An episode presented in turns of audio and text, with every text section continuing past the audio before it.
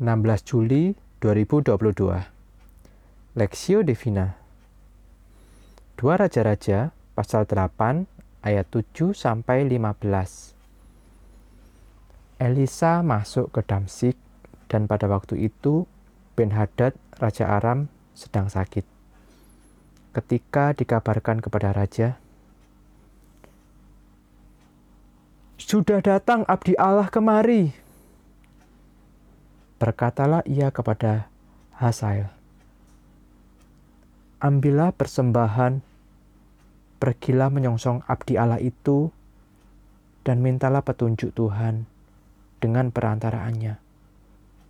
Sembuhkah aku dari penyakit ini?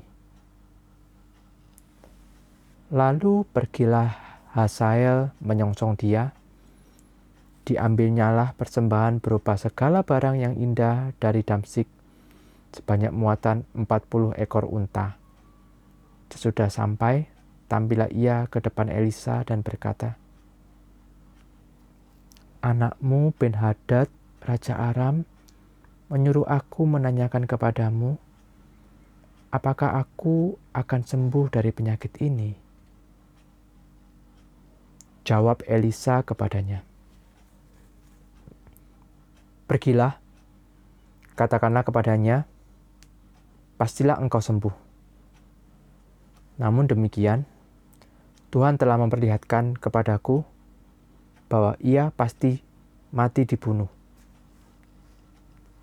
Elisa menetap dengan lama dengan lama ke depan. Lalu ia lalu menangislah abdi Allah itu. Hasael berkata,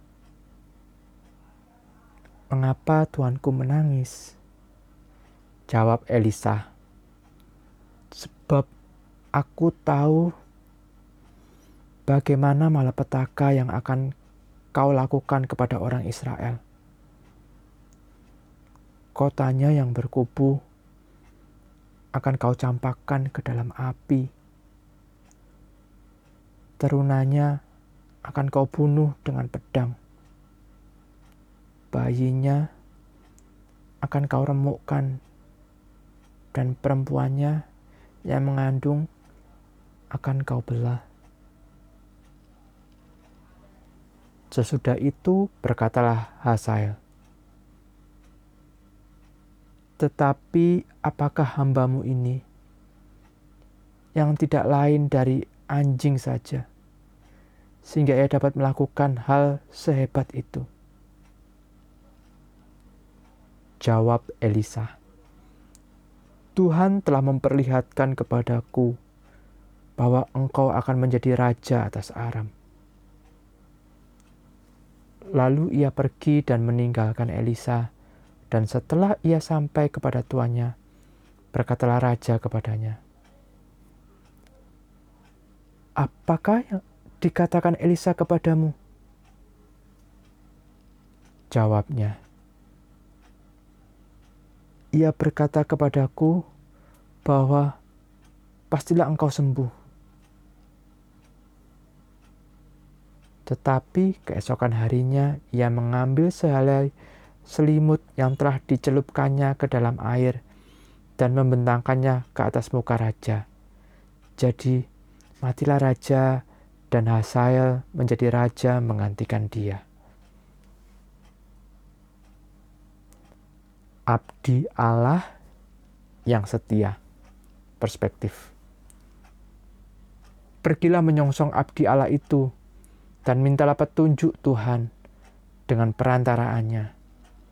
Dua Raja-Raja pasal 8 ayat 8. Ben Hadad, Raja Aram sedang sakit parah. Ketika mendengar bahwa Elisa, abdi Allah sedang ada di Damsik, dia menyuruh Hasael untuk menemui Elisa dengan membawa banyak persembahan. Ben Hadad ingin Elisa bertanya kepada Tuhan, akankah dia sembuh dari penyakitnya? Elisa yang sudah mendengar suara Tuhan menginformasikan bahwa raja akan sembuh dari penyakitnya, tetapi ia akan mati dibunuh. Selain itu, Elisa juga diberi penglihatan oleh Tuhan bahwa ke depannya nasib Israel akan mengenaskan Hasael, orang yang dipanggil raja, akan membantai orang Israel dan memperlakukan mereka dengan kejam. Ketika tahu dirinya akan berbuat kejam, Hasael tidak menganggapnya sebagai kejahatan, justru sebagai kehebatan.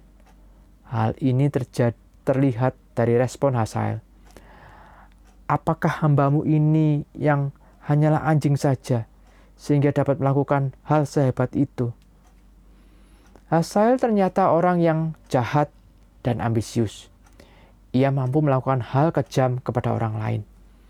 Segera saja ketika sudah memberitahukan bahwa raja pasti akan sembuh, keesokan harinya dia mengambil selimut basah guna membunuh raja. Sebuah rencana pembunuhan yang licik yang tidak meninggalkan tanda kekerasan dan tampak tidak disengaja. Hasael mencapai tahta dengan darah. Dan selama bertahta, dia membanjiri, membanjiri Israel dengan darah. Semua yang dinubuatkan Elisa terjadi dengan tepat.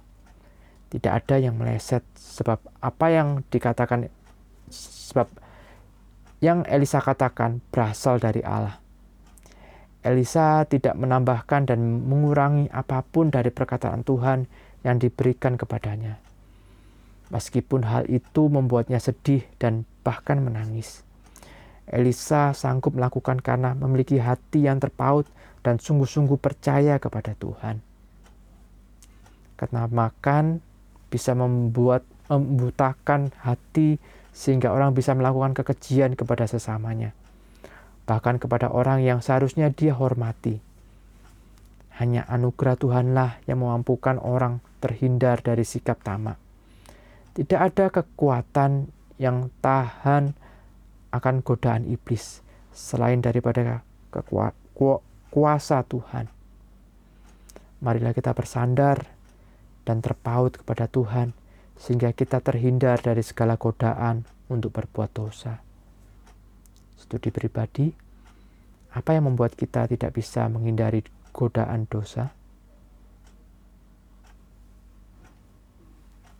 Pelajaran apa yang bisa kita teladani dari kehidupan Elisa? Pokok doa, berdoalah bagi setiap umat Tuhan supaya memahami dan terus berjuang dalam pimpinan tangan Tuhan menolak menolak godaan dosa. Berdoa agar keluarga Kristen diberikan kekuatan untuk menjadi saksi Tuhan.